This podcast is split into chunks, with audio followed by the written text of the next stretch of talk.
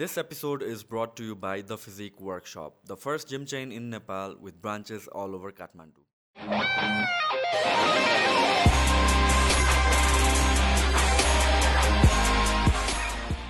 So let's start with तपाईँको सुरुमा इन्ट्रोडक्सनदेखि तपाईँ क्यापिटल मार्केटमा युआर भेरी वेल नोन अनि um, अघि भर्खरै हामी कुरा गरेर आएको थियो तपाईँ बेसिकली स्याङ्जाबाट पढ्न आउनुभएको अच्छा सो यो whole this is kind of like एउटा म्यासिभ जुन चेन्ज भयो इन टर्म्स अफ तपाईँको डिरेक्सन अफ योर करियर भन्ने कि तपाईँको फ्युचर भन्ने कि।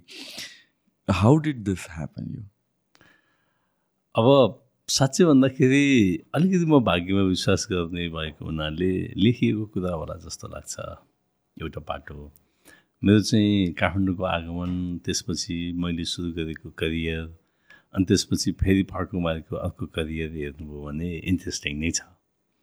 म चाहिँ खास गरेर दुई हजार सडचालिस अडचालिस सालमा अडचालिस सालमा आइकम पोखराबाट पृथ्वीनारायण क्याम्पसबाट पास गरिसकेपछि कामको खोजीमा र अध्ययनको लागि सँगसँगै काम र अध्ययनलाई एक रूपले बढाउने भनेर म काठमाडौँ प्रवेश गरेको मलाई याद छ पोखराबाट तत्समयमा साझा बस चल्थ्यो।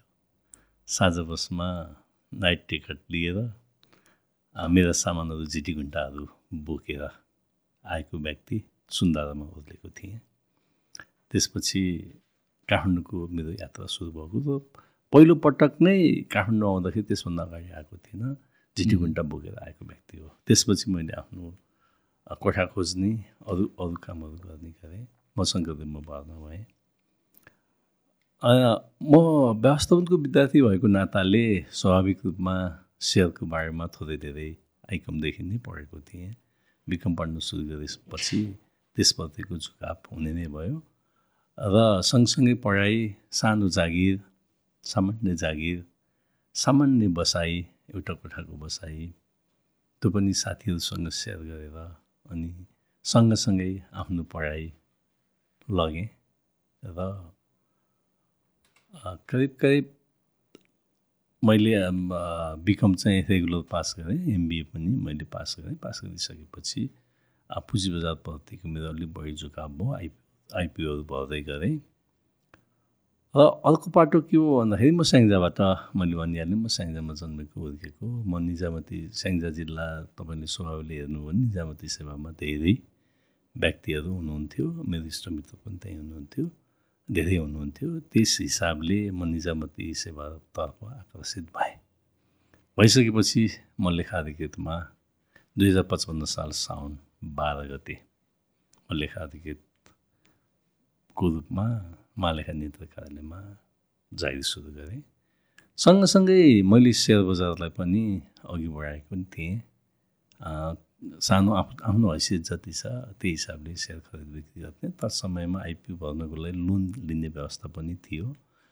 थोरै धेरै मेरो हैसियतले भ्याउने जति लोन लिएर आइपिओहरू भर्ने कामहरू गर्थेँ। कहिलेकाहीँ सानो मात्रामा एक लाख दुई लाख रुपियाँ दोस्रो बजारमा पनि लगानी गर्थेँ। एवं रीतिले सेयर बजारमा आउने जसरी देख्नु भएको छ उतार चढावहरू सँगसँगै मैले ती उतार चढावमा त्यही अनुसार म पनि पढाएँ भन्नाले मैले दुःखसँग मिहिनेतसँग अलिअलि जोडेको कमाएको पैसाहरू सबै गुमाएँ सेयर बजारबाट गुमाएँ सरसापट गरेर गुमाएँ। अनि त्यसपछि अलिक बढी मेरो कन्सन्ट्रेसन चाहिँ निजामती सेवातर्फ नै भयो.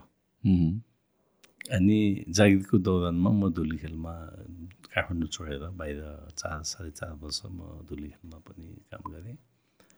अनि तत्समयमा लगभग लगभग क्यापिटल मार्केटबाट म डिट्याच भइसकेको थिएँ। अनि पछि धुली खेलबाट फेरि मेरो काठमाडौँ सरुवा भयो। काठमाडौँ सरुवापछि भक्तपुरमा शिक्षा विभागमा काम गर्थेँ। त्यसपछि महालेखा नेत्र कार्यालयमा फेरि सरुवाबाट आएँ। आइसकेपछि मेरो झुकाव पहिलेदेखि नै अलिकति फरक किसिमले काम गर्नुपर्छ र फरक सेक्टरमा जानुपर्छ भन्ने थियो। मलाई त्यो निजामती सेवाले आकर्षण गर्यो सधैँ आकर्षण गर्न सकेन। म फेरि पनि फेरि सेयर काठमाडौँ फर्किसकेपछि मेरो पहिलाको काम फेरि पनि मैले सुरु गर्न थालेँ। सेयर बजारप्रति मेरो आकर्षण भयो समयले मलाई साथ दियो। सो यो बिचमा ग्याप चाहिँ कति जतिको थियो होला? मैले करिब साढे चार वर्ष जति ग्याप ग्याप गरेको क्यापिटल मार्केटबाट लगभग छुटेको छु म छुटेको छु। अनि फेरि मैले सुरु गरेँ क्यापिटल मार्केट त्यो एक काइन्ड अफ एउटा नसा रहेछ कि पुँजी बजार भनेको लागिसकेपछि फेरि मलाई त्यसले आकर्षण गर्यो। र समयले पनि मलाई साथ दियो। म थोरै धेरै डिपोजिट अलि अलिकति फन्ड पनि म म्यानेज गर्ने किन भन्दा अफिसर भइसकेपछि ब्याङ्क वित्तीय संस्थाले पत्याउने व्यक्तिले पनि पत्याउने भइसकेको थिएँ। फेरि त्यो फन्डलाई मैले मोबिलाइज गर्न थालेँ। मोबिलाइज गर्दा समयले पनि साथ दियो अनि केही वर्षमा दुई तिन वर्षमा राम्रो कमाइ पनि भयो।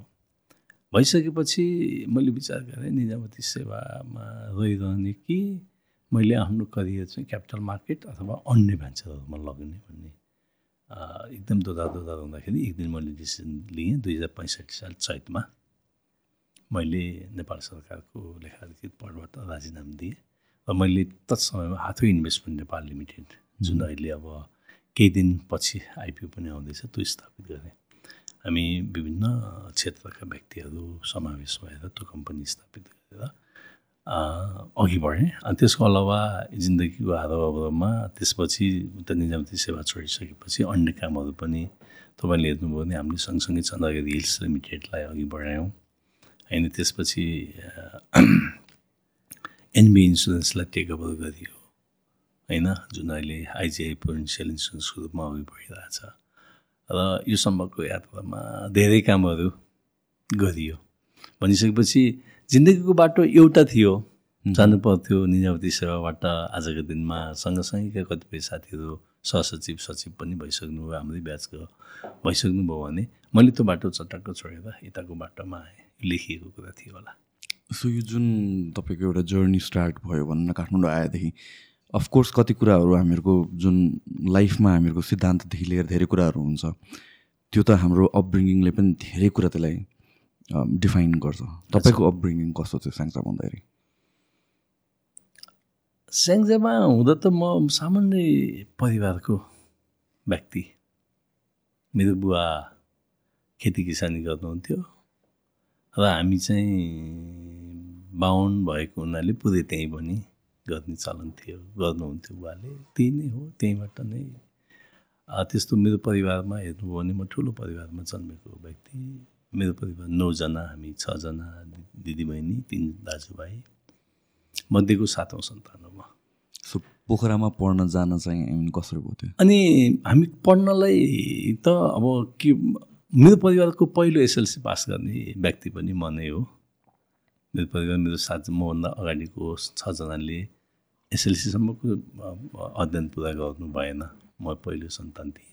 र स्वाभाविकमा हामी सामान्य एउटा मध्यमवर्गीय किसान परिवार भएको नाताले पढ्छु भनिसकेपछि पढाउन सक्ने पोखरा जानुपर्छ पढ्नुपर्छ ठुलो मान्छे हुनुपर्छ भन्ने त स्वाभाविक थियो त समयमा पनि। मेरो बुवा नै पण्डित हुनुभएको नाताले त्यो पारिवारिक बाटोमा त हाम्रो पढ्नुपर्छ भन्ने थियो। सो त्यहाँबाट तपाईँ काठमाडौँ जुन आउनुभयो पहिलोचोटि थियो पनि सो त्यो माइन्ड मेकअप चाहिँ कसरी गर्नु? काठमाडौँ नै जानुपर्छ भनेर किनभने त्यतिखेर पनि अब अहिले त त्यो छ। सेन्ट्रलाइजेसन एउटा पर्सपेक्टिभ छ होइन? अनि का जे पनि कुरा काठमाडौँमै छ भन्ने छ।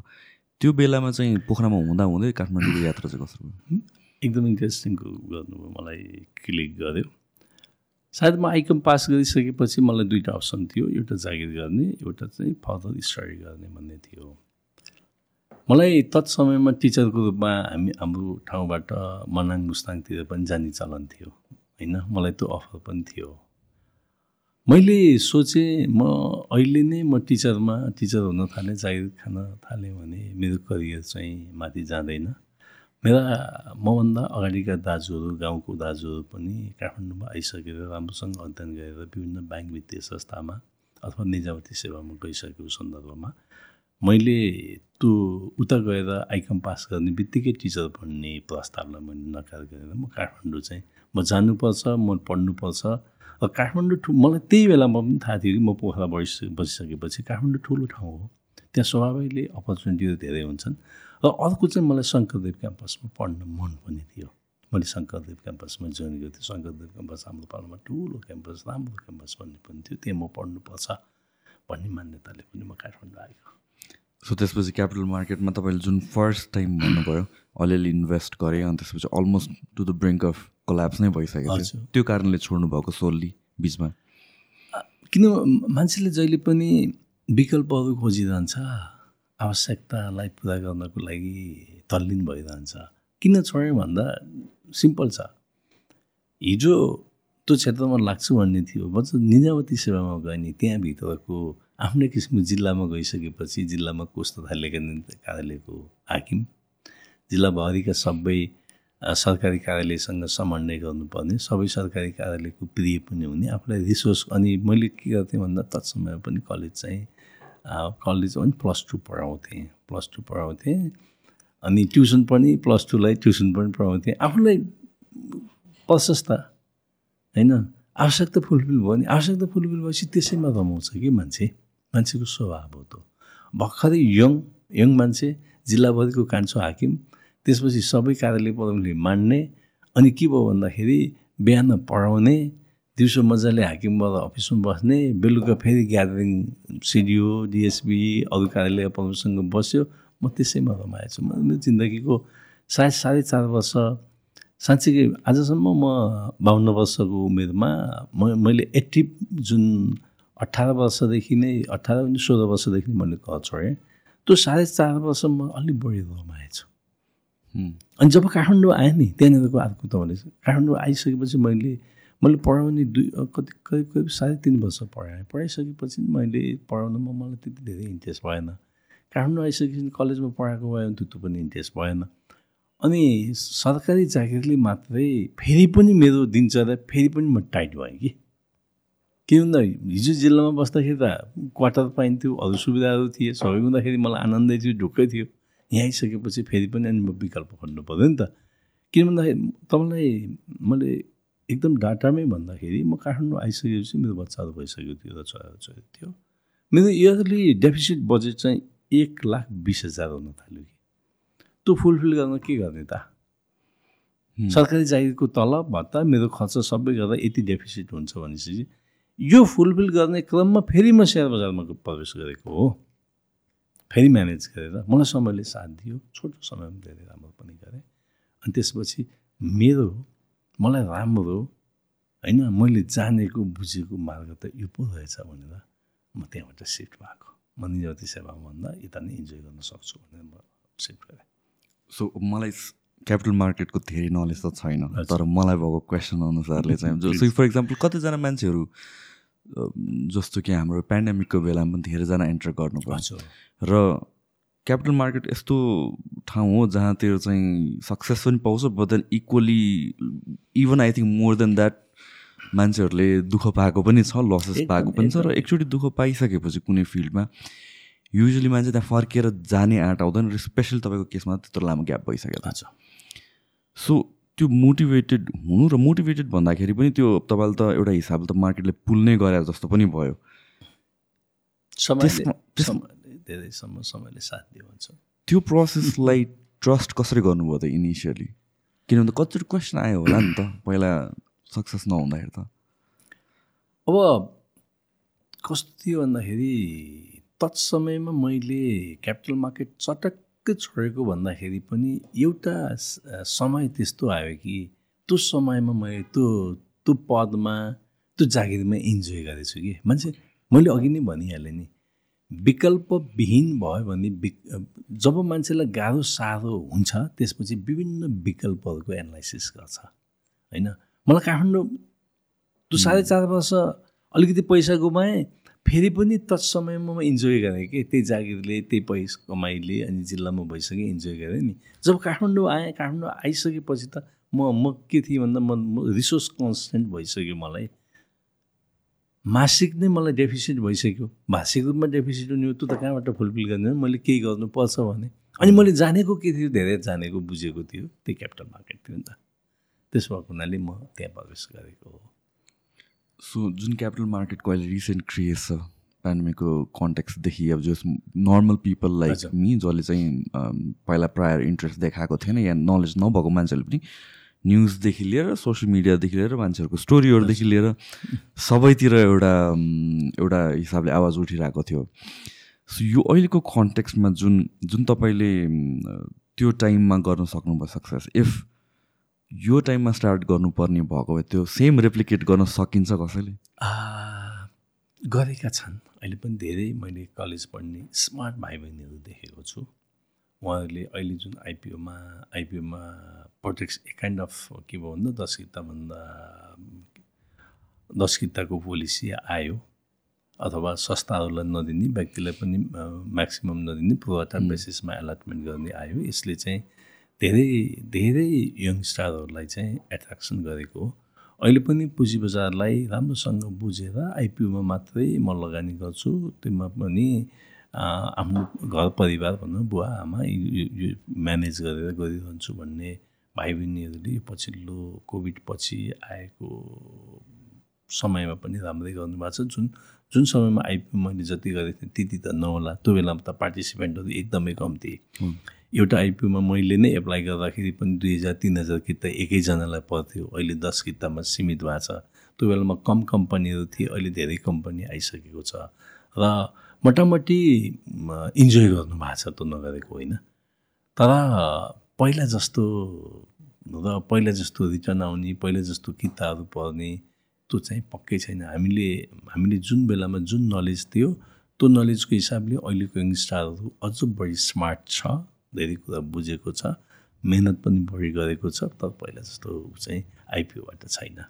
र दोस्रो बजारबाट पनि पहिलाको जस्तो हुँदैन स्वाभाविक रूपले जब बढी पार्टिसिपेन्टहरू मार्केटमा आउँछन् अनि बढी बुझेका पार्टिसिपेन्ट आउँछन् त्यो त्यो बेलामा चाहिँ स्वभावैले त्यो पहिलाको जस्तो हुँदैन। अहिले नेपालको पुँजी बजारमा पनि त्यो देख्न सकिन्छ।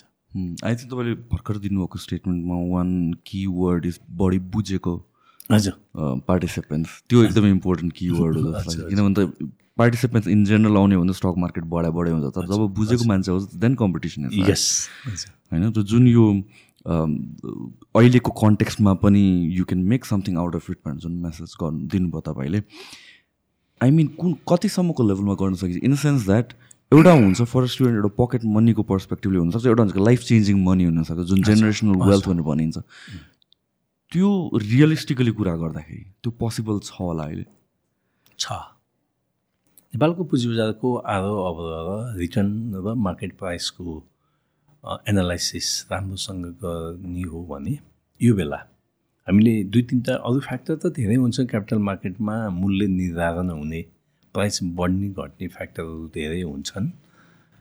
अहिलेको आर्थिक अवस्था र अहिलेको बजारको मूल्य र अहिले बजारमा सहभागी सहभागी लगानीकर्ताहरूको सङ्ख्या सबै एनालाइसिस गर्दाखेरि के देखिन्छ भने अहिले अलिकति बजारको बारेमा बुझेर कम्पनीको बारेमा बुझेर लगानी गर्ने लगानीकर्ताले धेरै राम्रो प्रतिफल प्राप्त गर्न सक्छ।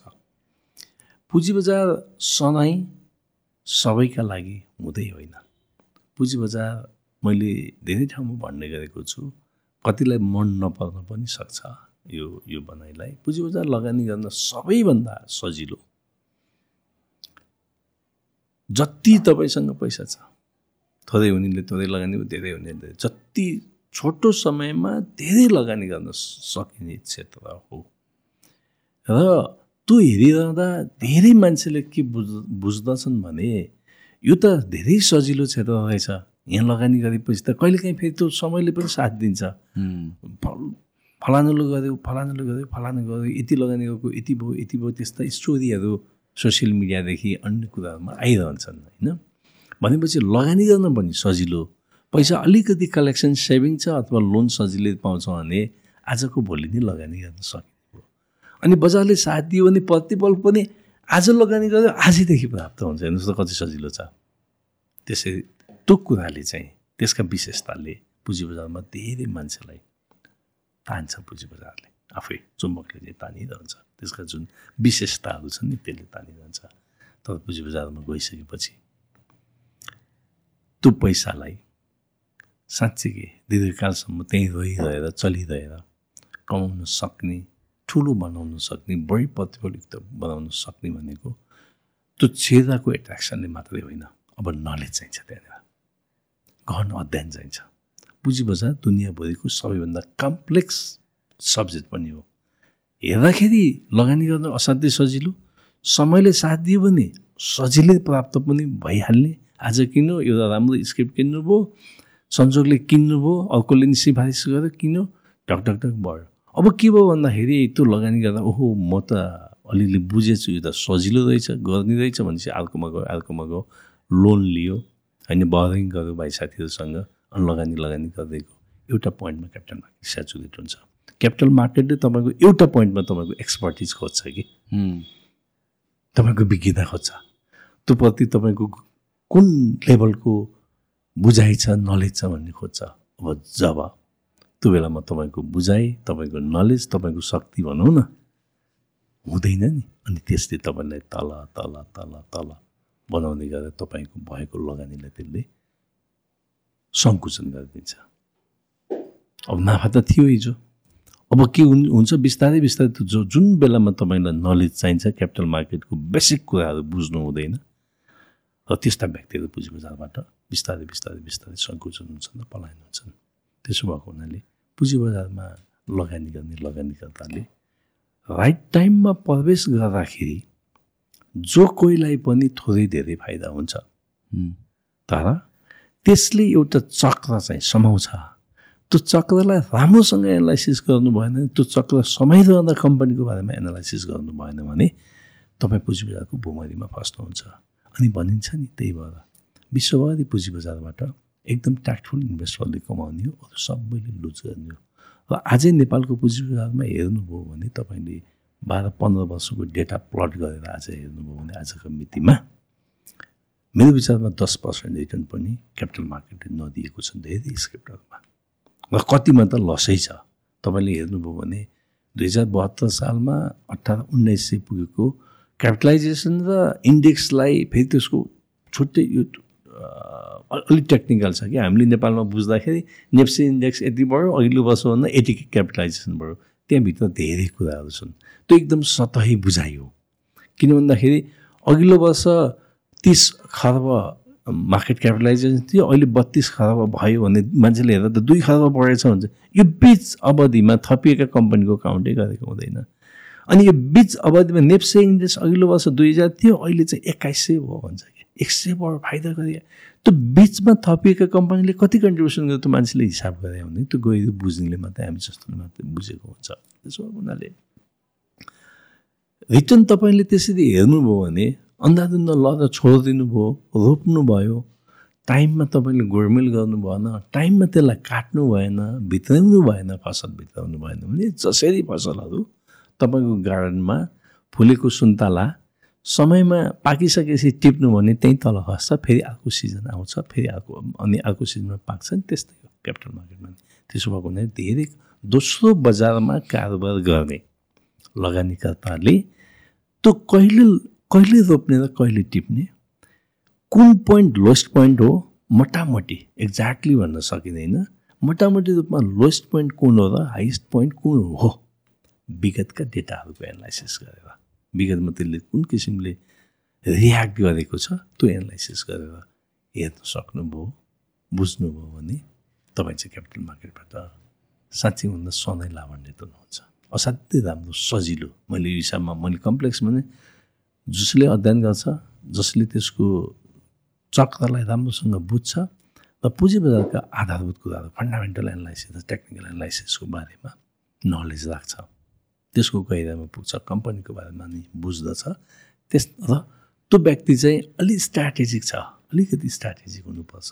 धेरै ग्रिडी क्यापिटल मार्केटमा हुनु हुँदैन होइन? छैन भने पर्याप्त मात्रामा पुँजी बजारबाट थोरै समय दिएर ठिक्कको लगानीमा असाध्यै राम्रो प्रतिफल प्राप्त गर्न सक्छ। त्यस्ता भाग्यमानीहरू अध्ययनशील।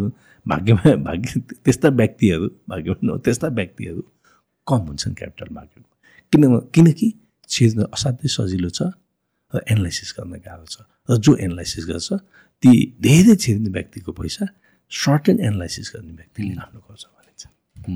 सो तपाईँको जुन बेला तपाईँले एन्टर गर्नुभयो त्यतिखेर पनि सम सोर्ट अफ स्टडी त डेफिनेटली हुनुपर्छ। हजुर। होइन? सो त्यतिखेर तपाईँको स्ट्राटेजी कस्तो हुन्छ? किनभने लाइक मैले बुझाएको छ फन्ड फन्डामेन्टल एनालिसिस हुन्छ टेक्निकल एनालिसिस हुन्छ। तपाईँको बेसिक ओभरअल स्ट्राटेजी के थियो? मैले म ट्रेडर ट्रेडरहरूले टेक्निकल एनालाइसिसलाई बढी फलो गर्छन्। इन्भेस्टरहरूले फन्डामेन्टल फन्डामेन्टल एनालाइसिसलाई कम्पनीको फन्डामेन्टलमा विश्वास गरेर लगानी गर्छन्। म चाहिँ टेक्निकल एनालाइसिसबाट लगानी कम गर्छु। साँच्चै भन्दा गर्दिनँ भन्दा पनि हुन्छ तर मैले तिनीहरूको ट्रेन चाहिँ त्यो बिहेभियर चाहिँ हेरिरहेको हुन्छु मैले। मैले सर्ट टर्ममा सर्ट टर्ममा गर्ने तपाईँले सर्ट टर्म र लङ टर्मको इन्भेस्टमेन्ट र ट्रेडिङको रेसियो हेर्नुभयो भने आजका मितिमा नि मलाई एकदमै बजार चाहिँ लोएस्ट बिन्दुतर्फ गइसक्यो भनेको अवस्थामा मेरो के हुन्छ भन्दा ट्रेडिङ ट्रेडिङ टेन पर्सेन्ट हुन्छ इन्भेस्टमेन्ट नाइन्टी पर्सेन्ट हुन्छ। ओहो बजार चाहिँ हाइएस्ट पोइन्टतर्फ जाँदैछ भन्यो भने मेरो बिस्तारै बिस्तारै इन्भेस्टमेन्ट पनि निकाल्दै निकाल्दै गर्छु अनि सर्ट एन्ड बिस मेरो टोटल पोर्टफोलियो पहिला कायम क्लाइमेक्स मैले मानेको। क्लाइमेक्स त यो भनेर ठ्याक्कै भन्न त सकिनँ। मैले थिङ्क गरेको मलाई सन्तुष्टि दिएको पोइन्टबाट म बिस्तारै बिस्तारै घटाउँदै जान्छु। घट किन भन्दा एकै दिन घट्ने पनि हो नि एकै दिन बढ्ने नि होइन नि यसको। जसरी बेसीबाट सगरमाथा सगरमाथा बेस क्याम्पबाट सगरमाथाको उचाइमा पुग्यो। त्यसरी बेस क्याम्प आउनलाई समय लाग्छ। होइन? भनिसकेपछि म मेरो विचारमा यो मैले ठ्याक्कै भनेको हाइट चाहिँ चुचुरो नहुन सक्छ। मलाई लागेको हाइटबाट म बिस्तारै बिस्तारै अब के गर्छु? एक्जिट गर्दै गर्दै गर्दै गर्दै जान्छु। अब ट्रेडिङको पार्ट अलि भोल्युम बढाउँदै जान्छु क्या। कहिले काहीँ ठ्याक्क पोइन्ट भन्नु नसक्यो अब इन्भेस्टमेन्टको पार्ट कम गर्दै जाने। ट्रेडिङको पार्ट बढाउँदै बढाउँदै जान्छु र मलाई एउटा हाइएस्ट बिन्दुमा पुगिसकेको अवस्थामा मलाई लागेको बिन्दुमा लगभग मैले लोन चाहिँ घटाइसकेको हुन्छु। र मसँग लामो समय पच्चिस तिस वर्ष यो पुँजी बजारलाई हेरेको र एक्टिभली पनि पन्ध्र वर्षभन्दा बढी फुल फ्लेज लागेको हुनाले बजारको मोटामोटी सिनारीहरू चाहिँ ठ्याक्कै भन्न सकिँदैन। मोटामोटी सिनारीहरू चाहिँ म एनालाइसिस गर्न सक्छु। हुन्छ तर यसको मतलब चाहिँ ठ्याक्कै हुन्छ भन्ने होइन। पुँजी बजार तपाईँ हामीभन्दा तपाईँ हामीले पढेको थ्योरीहरूभन्दा र तपाईँ हामीले हिजोका दिनमा प्राप्त गरेको ज्ञानभन्दा अलि बढी स्मार्ट छ र फरक ढङ्गले हिँडिदिन्छ कि कहिलेकाहीँ। मैले मैले पुराना डाटाहरू मेरो अनुभवलाई प्लट गर्दै गर्दै जाँदाखेरि त्यो मैले प्लट गरेको यसरी नै जाला भनिरहँदा कहिलेकाहीँ त्योभन्दा अपोजिट डिरेक्सनमा पनि गइदिन्छ। त्यसो भएको हुनाले पुँजी बजारमा लगानी गर्ने व्यक्तिले पहिलाको नलेज त चाहिन्छ वर्तमान नलेज पनि चाहिन्छ र उसले जसरी एक्ट गर्छ नि बजारमा ऊ कसरी चल्छ नि तुरुन्तै आफूलाई त्यो अनुसार ढाल्नुपर्छ न कि पुँजी बजारलाई मेरो लयमा चलाउँछु भन्ने। कहिले पनि हुँदैन। मेरो लयमा पुँजी बजारलाई म चलाउने होइन। पुँजी बजारले मास पुँजी बजार भनेको मास पिपुलको सेन्टिमेन्टसँग जोडिएको बजार हो नि त। मास पिपुलको सेन्टिमेन्टसँग जोडिएको हुनाले मास पिपुलको सेन्टिमेन्ट कसरी जान्छ? मेरो सेन्टिमेन्ट मानेर राख्दैन कि। अनि म मास सेन्टिमेन्टलाई फलो गर्दै जानुपर्छ त्यसै जान सक्यो भने राम्रो हुन्छ। सो यो जुन भनिन्छ नि त नलेजकै कुरा आयो हामीहरूको होइन? अब मास साइकोलोजी त हुन्छ एउटा हिसाबले भन्नु पर्दाखेरि त। सो सबैजनाले जुन यो अब भनिन्छ कि नेपालको स्टक मार्केट चाहिँ every three years or four इयरको cycle follow गर्छ वेयर हुन्छ नि एउटा bull market every three year four इयरमा आउँछ भनेर। तर यसो जेनरली बुझ्दाखेरि त जतिजना मान्छेले पैसा राख्यो त्यति बढ्ने हो जतिजना निकाल्यो त्यो त्यसरी हुने सो सबैलाई राइट टाइमको नलेज भयो भने त if you four year cycle नै फलो गर्छ भनेर थाहा भयो भने त त्यसो त मार्केट चल्दै चल्दैन नि होइन? जति मोर मान्छे एजुकेटेड हुँदै गयो त्यति त त्यो यो लहरू झन् फेल खान जान्छ होइन र? त्यस्तो एकदम तपाईँले भनेको कुरो सामान्य अवस्थामा मान्न सकिन्छ। होइन? तर पुँजी बजारमा विभिन्न स्ट्राटेजी लिएर short term medium term long term विभिन्न स्ट्राटेजी लिएर अनि विभिन्न योग्यता र क्षमताका मान्छे। सचित पुँजी बजार बुझेका अलिअलि बुझेका धेरै बुझेका साँच्चैकै कति पनि नबुझेका लय लयमा लगाएका व्यक्तिहरूको जमातले बनेको हुन्छ कि। स्ट्राटेजी नि फरक पिपुलको बिहेभियर पनि फरक। त्यसो आदर्श कुराहरू गर्दा दुई सय एउटै कलेजको एउटै शिक्षा लिएको व्यक्ति हुँदाखेरि तपाईँले भनेको कुरो कार्यान्वयन हुन्छ यहाँ त विभिन्न डिसिप्लिनका विभिन्न शिक्षाका विभिन्न आर्थिक हैसियत भएका व्यक्तिहरू आउने हुनाले त्यसले ठ्याक्कै त्यही त्यही किसिमले रियाक्ट गर्दैन सामान्य हेर्दाखेरि त हो मलाई पनि त्यस्तै लाग्छ कहिलेकाहीँ होइन?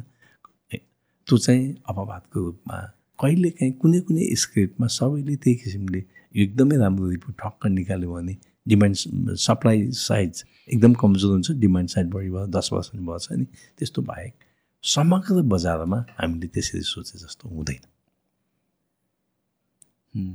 सो अहिलेको कन्टेक्स्टमा एकजना मान्छे फर्स्ट टाइम छिर्नको लागि उसले थाहा पाउनुपर्ने चाहिँ कुरा के हो? तपाईँले प्रायोरिटाइजेसन चाहिँ अब जस्तो कि टेक्निकल एनालिसिसलाई दिनुहुन्छ कि फन्डामेन्टल एनालिसिसलाई मैले एकदमै टेक्निकल एनालाइसिसको राम्रो नलेज छ उसले राम्रो धेरै समय अध्ययन गरेको छ भने पनि पहिलोपटक बजारमा प्रवेश गर्ने एनालाइसिस गरेर प्रवेश गर्छु भने फन्डामेन्टल एनालाइसिस चाहिँ राम्रो हुनुपर्छ। टेक्निकल एनालाइसिसको मात्रै सहयोगले बजारमा प्रवेश नगर्दा राम्रो हुन्छ।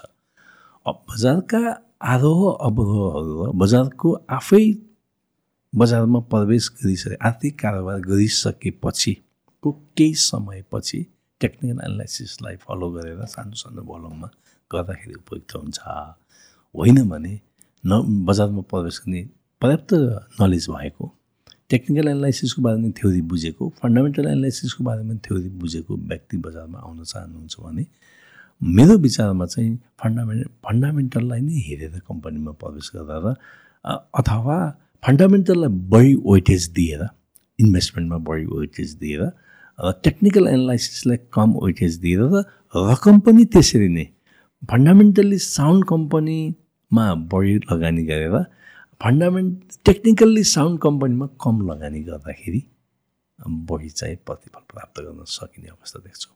सो तपाईँले जुन बेला स्टार्ट गर्नुभयो थियो अब अहिले त तपाईँले अब over period of years experience expertise knowledge everything बढ्यो होला होइन? सो सुरु सुरुमा स्टार्ट गर्दाखेरि चाहिँ तपाईँको स्ट्राटेजी के हुन्थ्यो? कतिवटा मिस्टेक गर्नुभयो होला कतिवटा कुरा थिएन होला? तपाईँलाई अब मैले त धेरै मिस्टेक गरेँ नि। अहिले पनि म धेरै मिस्टेक क्यापिटल मार्केटमा पर्फेक्सन भन्ने नै छैन। कोही पनि छैन? कोही पनि छैन। तपाईँलाई इक्जाम्पल दिन्छु। विश्वभरिका ठुल्ठुला हेज फन्डहरू चलाउने ठुल्ठुलो पोर्टफोलियो म्यानेजरहरू होइन? अरबौँ वार्षिक करोड रुपियाँ तलब खाने अरबौँ रुपियाँको ट्रान्जेक्सन गर्ने उहाँहरूले पनि सठिक रूपमा यही हुन्छ भनेर भन्न सक्नु हुँदैन नजिक पुग्ने हो। उहाँ उहाँले विगतमा गरेको एनालाइसिस विगतमा अध्ययन गरेको विषय त्यसको आधारमा र कम्पनीको फन्डामेन्टल राम्रोसँग कम्पनीको बारेमा लिएको सूचना जानकारी र कम्पनीको बारेमा सङ्कलन गरेको नलेज त्यसको आधारमा लगानी गर्ने हो। त्यसको आधारमा गर्दाखेरि पनि धेरै ठुल्ठुला एकदमै राम्रा राम्रो युनिभर्सिटी पढेका र एकदमै केही समय असाध्यै सफल भएका व्यक्तिहरू असफल भएको पर्याप्त इक्जाम्पल देख्न सकिन्छ। यो के भन्दाखेरि यो रकेट साइन्स होइन। तपाईँले संसद हेर्नु भने विज्ञानले के गर्छ भन्दा दुई प्लस दुई चारै बनाउँछ। र आज चाहिँ पृथ्वीबाट यति यति के के कुराहरू मिलाएर चन्द्रमामा यति दिनमा पुग्छ भने ठ्याक्कै भनिदिन्छ। ज्योतिषले पनि गणितले पनि त्यो ठ्याक्कै भन्छ होइन? तर यस्तो विधा हो जुन विधामा शत प्रतिशत पर्फेक्सन छैन नजिक पुग्ने प्रयास गर्ने हो। त्यसो भएको हुनाले निरन्तर अध्ययन चाहिन्छ। र आफ्नो हैसियतलाई त्यही भएको हुनाले आफ्नो हैसियत पुँजी बजारमा कुन हैसियत छ? भोलि उसकै सिनारीमा किन हामीले त देखेका छौँ? एउटा कम्पनी ए भन्ने कम्पनी दुई हजार पुगेर पचास रुपियाँमा नै आएको। एक्जाम्पल यी नेपालकै पुँजी बजारमा छ। दुई हजारसम्म पुग्यो पचास रुपियाँ नै आएको छ। पचास रुपियाँको कम्पनी दुई हजार पन्ध्र सय दुई हजार पनि पुगेको छ। उस केसमा कतिसम्म मैले बियर गर्न सक्छु त त्यसले दिएको पीडा? त्यसले त्यसले लस दियो भने कतिसम्म बियर गर्न सक्छु? त्यो अवस्था आउँदाखेरि वैकल्पिक मेरो अर्को व्यवस्थापन के छ भन्ने कुरो चाहिँ त्यो स्ट्राटेजी बनाउनुपर्छ। कि चाहिँ छोटो छोटो समयमा चाहिँ लस चाहिँ म लस बुक गर्ने नोक्सानीमा पनि सेयर बेच्न सक्छु भन्ने ल्याकत राख्नुपर्छ धेरै मान्छेलाई सबैभन्दा कम्प्लेक्स के भन्दा किन्न सजिलो छ बेच्न गाह्रो छ। अझ नोक्सानीमा बेच्ने त मान्छेले कल्पना गर्ने सेयर बजारमा त पटक पटक नोक्सानी भइरहन्छ। मेरै कुरो गर्नुभयो भने पनि म कर मैले निजामती जागिर छाड्दाखेरि राम्रो पैसा थियो मसँग। त्यो जागिर छोडिसकेपछि जब बजार घट्यो जागिर पनि छैन पैसा पनि छैन। केही पनि नभएको अवस्थामा मैले त्यत्रो वर्ष सात आठ वर्ष तत्समयमा सात आठ नौ वर्ष काम गरिसक्यो पुँजी बजारमा आरो अब बिहोरेको मान्छेले एउटा आरो अब कम्प्लिटली बिहोरेको दोस्रो पटक पनि म पूर्ण रूपमा नेगेटिभ नेटवर्कमा गएको छु म आफै जब दोस्रो अनि तेस्रो चौथोबाट मा बाट मात्रै म रणनीतिक हिसाबले पुँजी बजारमा लगानी गर्न योग्य बने भनेपछि सजिलो छैन अझै पनि पुँजी बजारमा भावनामा बग्यो अध्ययन कम भयो लय लयमा लाग्यो ओहो यो बढिहाल्छ मेरो हैसियतलाई मैले मापन गरिनँ भने पुँजी बजारमा कमाउनु गाह्रो छ गाह्रो हुन्छ त्यसो भएको हुनाले म पनि पटक पटक पछाडिएको छु पटक पटक करोडौँ रुपियाँ कमाएर करोडौँ रुपियाँ गुमाएको छु र पछिल्लो समयमा मात्रै म संयमित बनेको छु अनुशासित बनेको छु। यसका यसलाई मैले चलाउने होइन कि यसले कसरी चाल चाल भन्छ? त्यो चाल सकेसम्म मार्केटले कसरी चल भन्छ त्यही अनुसार चल्ने बढी महत्त्वाकाङ्क्षी नहुने बढी लोभी नहुने एउटा लेभलको प्रफिट आइसकेपछि प्रफिट बुक गर्ने। किन भन्दा मैले बेचिसकेपछि पनि फेरि पनि अर्कोले प्रफिट कमाओस् ठिक छ? एक दिन फेरि क्यापिटल मार्केटको चक्र फेरि पनि तल आउँछ। त्यो बेलामा प्रतीक्षा गरेर बस्ने भनेर बस्छु। त्यसले गर्दाखेरि ठिक छ राम्रो छ अहिले। सो प्राय मान्छेहरूको मिस्टेकहरू भनेको चाहिँ एउटा बजेट आफ्नो नबुझ्नु हो. र र अर्को चाहिँ बढी लोभी हुनु। स्ट्राटेजीको सट्टा इमोसन्सले टेक ओभर गर्नु एक्ज्याक्टली इमोसन बढ्यो भने इमोसनल बढ्यो भनिदिने किन भन्दाखेरि एउटा दुइटा उहाँले गरेको कामले उहाँलाई फाइदा बनिदिन्छ। अनि मेरो नलेजले भयो भने बिस्तारै उहाँलाई त्यो चाहिँ प्राउडनेस आइदिन्छ तर होइन समयले दिएको प्रतिबल थियो। अनि उहाँ चाहिँ फेरि एक स्टेप दुई स्टेप दुई स्टेप जानुपर्ने तिन स्टेप चार स्टेप गरिदिनुहोस् किन भन्दा हिजो त धेरै बुझेकै थिएँ भर्खरै प्रवेश त यति फाइदा भयो। अब त अझ बढी फाइदा होला। भनेपछि इमोसनल बनिनुहुन्छ इमो इमोसनल क्यापिटल मार्केटमा ल दोस्रो बजारमा लगानी गर्ने लगानीकर्ता कहिले पनि भावनामा बग्नु हुँदैन। सिद्धान्तमा सिद्धान्त बुझेर सिद्धान्त अनुसार हिँड्नुपर्छ र एकदम वेल डिसिप्लिन हुनुपर्छ। हेर्नुहोस् मैले क्यापिटल मार्केटमा भन्ने गरेको अर्को के भन्दा पुँजी बजारमा लाग्ने मान्छे धेरै भावना म पनि भावना कतिपय पुग्छु। मैले गरेको प्लानहरू मोटामोटी अस्सी प्रतिशत सफल हुन्छन्। यदि म भावनामा बगिनँ भने तर बनाए मेरो सबै प्लान बनाएर पनि जब म चाहिँ फ्लोर सिटमा म ट्रेडिङ गर्नको लागि म कम्प्युटर अगाडि पुग्छु मेरो हात चलाउन सक्छु। मैले बनाएको प्लान कतिपय अवस्थामा मैले बिर्सन्छु म पनि त्यहाँ फेरि इमोसनल बनिदिन्छु अहिलेसम्म पनि? अहिले पनि।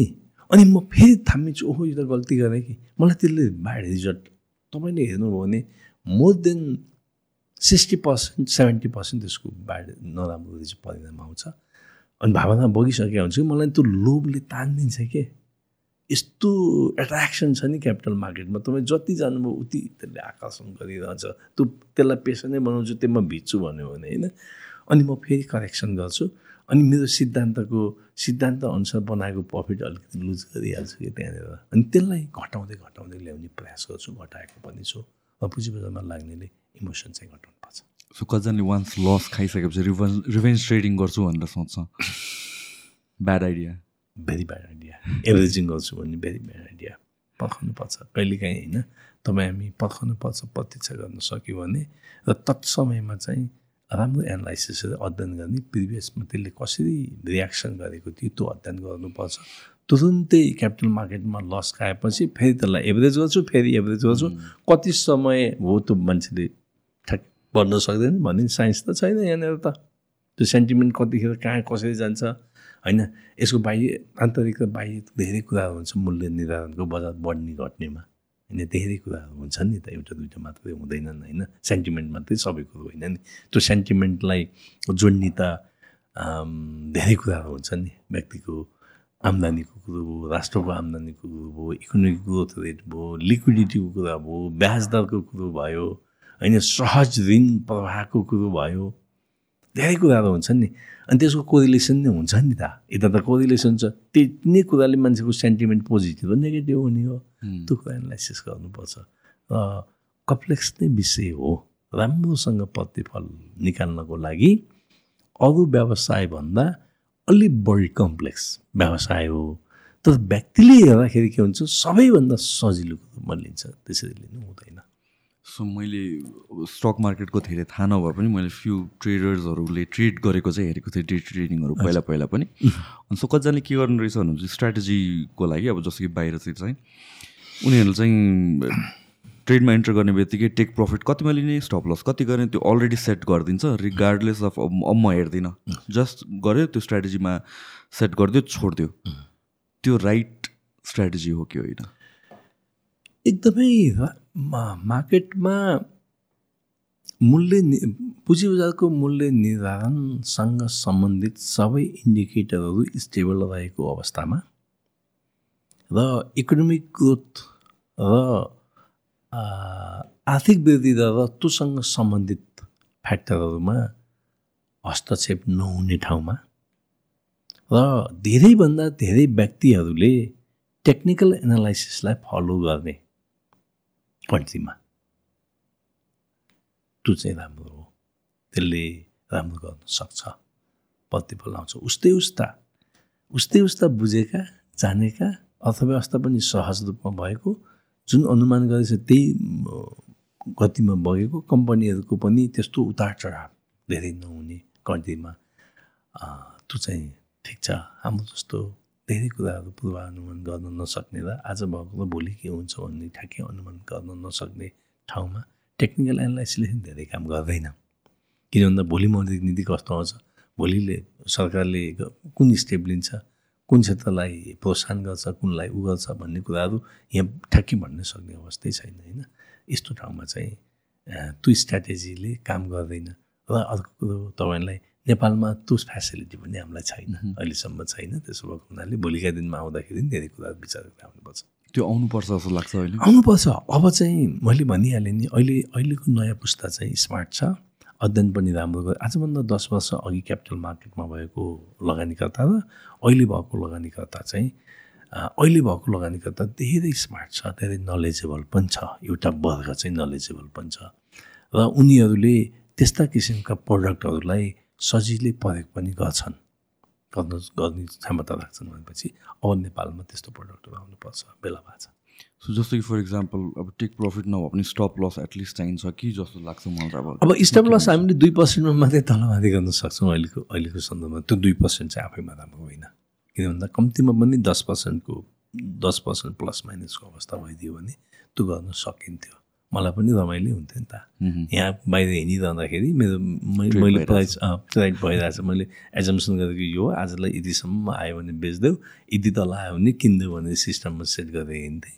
जहाँ गए पनि हुन्थ्यो त्यहाँ चलिरहँदाखेरि कहिले काहीँ विचलित भइन्छ नि त होइन? मैले अघि नै भने नि विचलित भइन्छ नि। त्यो विचलित हुनु पर्ने थियो कि मैले स्ट्राटेजी अनुसार नै बिहान मार्केट खोल्नुभन्दा अगाडि नै प्राइस सेट गरिदिन्थेँ। मैले ट्रेडिङ गर्ने पार्ट इन्भेस्टमेन्टमा ओरिने हुनु पर्ने मैले एक वर्ष दुई वर्ष तिन वर्ष अथवा यति पुगेपछि मात्रै बेच्छु भन्ने हुन्छ। केही पनि गर्नु परेन। म ट्रेडिङ गर्ने पार्ट त म त्यहाँ बसिरहनु पर्यो मैले बिहानभरि अध्ययन गर्थेँ अन्त बेलुका अध्ययन गरेको भोलि यो हो यो कम्पनीमा यस्तो यस्तो हुनसक्छ भनेर सेट गरेर सटक्क अर्को काम गर्न हिँड्नु हुन्थ्यो त्यो अब आवश्यक छ। सो त्यो न अहिलेसम्म नहुनुको कारण चाहिँ के हो? केही रिजन छ कि जस्ट त्यहाँतिर सोच सोच नै नपुग्यो? सोच्न पुग्यो हो। हामी सबै तपाईँले हेरिरहनु भयो भने बाहिर हेर्नुभयो र नेपाल हेर्नुभयो भने न क्यापिटल पुँजी बजारमा मात्र हेर्नु अन्य क्षेत्रमा पनि हुन्छ। बाटो घाटो सिँचाइ सुविधा स्कुल शिक्षा। जुन गतिमा हिँडेको छ कुनै एउटा क्षेत्र चाहिँ भयङ्करै माथि जाने र अरू क्षेत्र चाहिँ तल हुने हुँदो रहेनछ। भएको त्यही नै हो। हामी जसरी अरू क्षेत्रमा हामी कमजोर छौँ तल छौँ त्यसरी पुँजी बजारमा हामी तल भयो त्यो क्षेत्र मात्रै वात्तै आउन नसक्यो। नेपालमा सबभन्दा वात्त आएको टेलिकम्युनिकेसन हो। कम्युनिकेसन र अनि सोसियल मिडिया हो। त्यो बाहेक अरू अरूको कोरिलेसन उस्तै उस्तै देखिरहेको छ। डेभलपमेन्टको एउटा फेजमा बिस्तारै ग्रेजुअल्ली ग्रो भएको। र जुन क्षेत्र त्यसरी भएको छ क्यापिटल मार्केट पनि त्यसरी भएको छ। आशा गरौँ क्यापिटल मार्केटमा अब अलि छिटो होला। अरू क्षेत्रभन्दा अलिक छिटो होला। त्यसको प्रभाव चाहिँ किनभने टेक टेक्नोलोजीसँग सम्बन्धित छ। टेक्नोलोजी चाहिँ अरू अरू किसिमको विकासभन्दा टेक्नोलोजीको विकास चाहिँ धेरै छिटो चाहिँ एडप्ट गरिन्छ र धेरै छिटो कार्यान्वयनमा जान्छ। त्यसो भएको हुनाले आगामी दिनमा योमा बहस छलफल पनि भएको छ छिट्टै होला सो अघि नै तपाईँले एउटा कुरा गर्नुभएको थियो लाइक सर्ट टर्म र long term trading. So same exact नम फिगर्स नभए पनि कति कतिलाई सर्ट टर्म मान्ने कतिलाई लङ टर्म मान्ने? होइन अब इन्टरडेको कुरो आएको छ सर्ट टर्म र लङ टर्म भनेको लङ टर्म मैले भनिरहँदाखेरि मैले आज किनेको सेयर यति भइसकेपछि यति अवधिमा यति भयो भने बेच्छु भन्ने हुन्छ। मैले दुई वर्षपछि आज मैले पाँच सय रुपियाँमा कुनै स्टक किनेको छु भनौँ। मैले प्राइस सेट के गर्छु भन्दा यो स्टक चाहिँ अबको कमिङ बुलमा मार्केट राम्रो हुँदाखेरि पन्ध्र सय हुनसक्छ मैले तिन वर्षको टाइम फ्रेम तय गर्छु। अथवा दुई वर्षको टाइम मैले पन्ध्र सय छ महिना भयो भने यसलाई के भन्ने मैले डिस्पोज गरिदिन्छु? रेस्पेक्टेड प्रफिट सो तपाईँको प्रायोरिटी भनेको टाइमभन्दा पनि टार्गेट टार्गेट यस जनरली म टार्गेटलाई कुनै कुनै मैले अहिले खरिद मैले इन्भेस्टमेन्टमा टार्गेट हुन्छ। ट्रेडिङमा प्रफिट एन्ड लस हुन्छ। सर्टन थोरै समयको सात दिनको दुई दिनको पाँच दिनको अब होला भन्दा दस पर्सेन्ट बाह्र पर्सेन्ट पाँच पर्सेन्ट प्रफिट आउला दुई यो आज किन्यो हामी जनरली चौथो दिनमा फेरि बेच्न पाउँछौँ? चौथो दिनसम्म यति आयो भने बेचौँला भन्यो। लस भयो भने लस बुक गर्ने प्रफिट भयो भने एउटा लेभलको प्रफिट लिने बुक गर्ने हुन्छ। इन्भेस्टमेन्टमा चाहिँ टार्गेट टार्गेट सेट गर्ने हो। प्राइस राख्ने हो। तिन वर्षसँग कुर्न मेन्टली म तयार छु। बिचमा आउने आधो अवरोध त्यो कम्पनी सम्बन्धी प्रतिकूल अवस्थामा बाहेक कम्पनीमा कुनै ठुलो लस हुने भयो कम्पनीमा ठुलो समस्या आयो त्यसरी एक्जिट गर्ने पर्ने अवस्थामा बाहेक मैले यति समय तय गरेको हुन्छु पहिलाको डेटा लिएर होइन बुल बियरको डेटाहरू लिएर यो यो स्टक फन्डामेन्टल यति राम्रो छ। यो प्राइस अहिले लो प्राइस हो भन्ने मलाई लाग्यो। त्यो प्राइस दुई महिना चार महिना छ महिना त्यही फेरि फेरिमा घुम्न सक्छ। तुरन्तै पनि जान सक्छ। मलाई लाग्यो अब जान सक्छ भन्ने लागिसकेपछि म इन्ट्री गर्छु। इन्ट्री गरेर यतिसम्म म पा पुगेपछि बेच्छु भनिसकेपछि त्यो प्राइस चाहिँ छिटो आयो भने समय छिटो दौडिनेछ भन्ने मान्छु। यदि त्यो लामो समयसम्म बिस्तारै गयो भने त्यहाँसम्म पकाउँछ सो स्टक मार्केटलाई प्यासिभली लिन सकिन्छ कि सकिँदैन? इन अ सेन्स द्याट म मार्केटमा छिर्छु म दस वर्ष केही पनि हेर्दैन त्यो दस वर्षपछि द पोसिबिलिटी अफ त्यो स्टक इन्क्रिजिङ त्यो पर्सपेक्टिभले मान्छेहरू छिर्दा हुन्छ कि हुँदैन? लङ टर्म इन्भेस्टमेन्ट एकदम मजाले हुन्छ। तर दस वर्ष नभनौँ एउटा साइकललाई मानौँ न। एउटा साइकल बिरिस र बुलिसको साइकललाई चाहिँ दोस्रो बजारमा मैले सबै कुराहरू दोस्रो बजारको भनिरहेको छु। सेकेन्ड मार्केटमा ट्रेडिङ गर्ने र इन्भेस्टमेन्ट गर्ने प्रसङ्गमा भनिरहेको छु। त्यसरी हेर्दाखेरि मोटामोटी रूपमा चार पाँच चार वर्ष पाँच वर्षभन्दा बढीको साइकल नबनाउँदाखेरि हुन्छ। सो फर इक्जाम्पल धेरैजनालाई त क्याजुअल मान्छेहरूलाई त थाहा हुँदैन नि त टाइम बुलको बुल आयो कि बेर आयो होइन सो त्यो पर्सपेक्टिभमा भन्न खोजेँ मैले म अब आज राखिदिन्छु म एकचोटि एक्स अमाउन्ट अफ इयर्स मात्रै हेर्छु भनेर। तपाईँले त्यसमा पनि विचार गर्नुपर्छ। त्यसरी क्यापिटल मार्केटमा ठ्याक्क म दस वर्षपछि निक्लन्छु भनेर मात्रै हेर्दै हेर्दै त्यो कम्पनी मैले बिर्सेँ त्यो सेयर बिर्सेँ भन्यो भने प्रतिकूल अवस्थामा आजका मितिमा तपाईँले जुन कम्पनी लगानी गर्नुभयो हिजोको डेटा हेरेर गर्नुहुन्छ। हिजो दस वर्षदेखि पाँच वर्ष आहा स्मुथली चलेको छ। तपाईँले के जम्सन गर्नुभयो? यो कम्पनी फेरि पनि अर्को दस वर्षमा यहाँसम्म पुग्छ। पाँच वर्षको डेटा लिएर तपाईँले एनालाइसिस गर्नुभयो उसको ग्रोथ सबै गर्दाखेरि हिजो दस भएको कम्पनी आज चाहिँ कति वर्ष पच्चिस भएको छ। अब अब अर्को पाँच वर्षमा यो कम्पनी सय हुन्छ मानौँ न। सयको रिटर्नमा जान्छ रिटर्न दिन्छ भन्ने एजम्सन गर्नु। तपाईँलाई के थाहा भोलि नै कम्पनीको कम्पनीसँग सम्बन्धित प्रतिकूल पोलिसी पो आइदिन्छ कि? होइन र आज तपाईँलाई दिएको सुविधा चाहिँ भोलि दिँदैन। आज उसले इन्जोय गरेको मार्केट भोलि नपाउने हुनसक्छ अथवा तत् कम्पनीको आन्तरिक व्यवस्थापन किचलो हुन सक्छ बोर्डमा किचलो हुनसक्छ। त्यो बेला त तपाईँलाई जवाब गर्नु पऱ्यो नि त आइडिया त्यसो भएको हुनाले गर्ने कि हिजोको डेटा हेर्ने आज राम्रो छ भने निर्णय लिने तर त्यो कम्पनीलाई वाच गरिरहने कि? चाहिँ गरिरहनु पऱ्यो हेरिरहनु पऱ्यो। त्यो कम्पनीको बारेमा म फाल तपाईँले दस वर्ष फाल्न सक्नुहुन्छ अथवा म त दस वर्ष त धेरै लामो समय हुन्छ चल्ने बढीमा पाँच वर्ष हो तिनदेखि पाँच वर्ष हुन्छु मैले। तिनदेखि पाँच वर्षको स्ट्राटेजी बनाएको हुन्छ। तर त्यो तिनदेखि पाँच वर्ष पनि तपाईँले डे टु डे त्यो मेरो कम्पनी कसरी चलिरहेछ हिजो तपाईँले एजम्सन गरेको स्ट्राटेजीमा गएको छ कि छैन ग्रोथमा गएको छ कि छैन हिजो तपाईँसँग भएको डेटा अनुसार नै अहिले अतिरिक्त धेरै राम्रो नगरे त्यो रेसियोमा गएको छ कि तपाईँले जुन इन्भेस्टमेन्ट गर्दा थिङ्क गर्नुभयो नि त्यो अनुसार चलेको छ कि छैन भनेर त हेर्नुपर्छ। त्यसरी चटक्क बिउ लगानी छोड्न त्यो पाटो हेर्ने लगानी चाहिँ छोडिरहन सक्नुहुन्छ।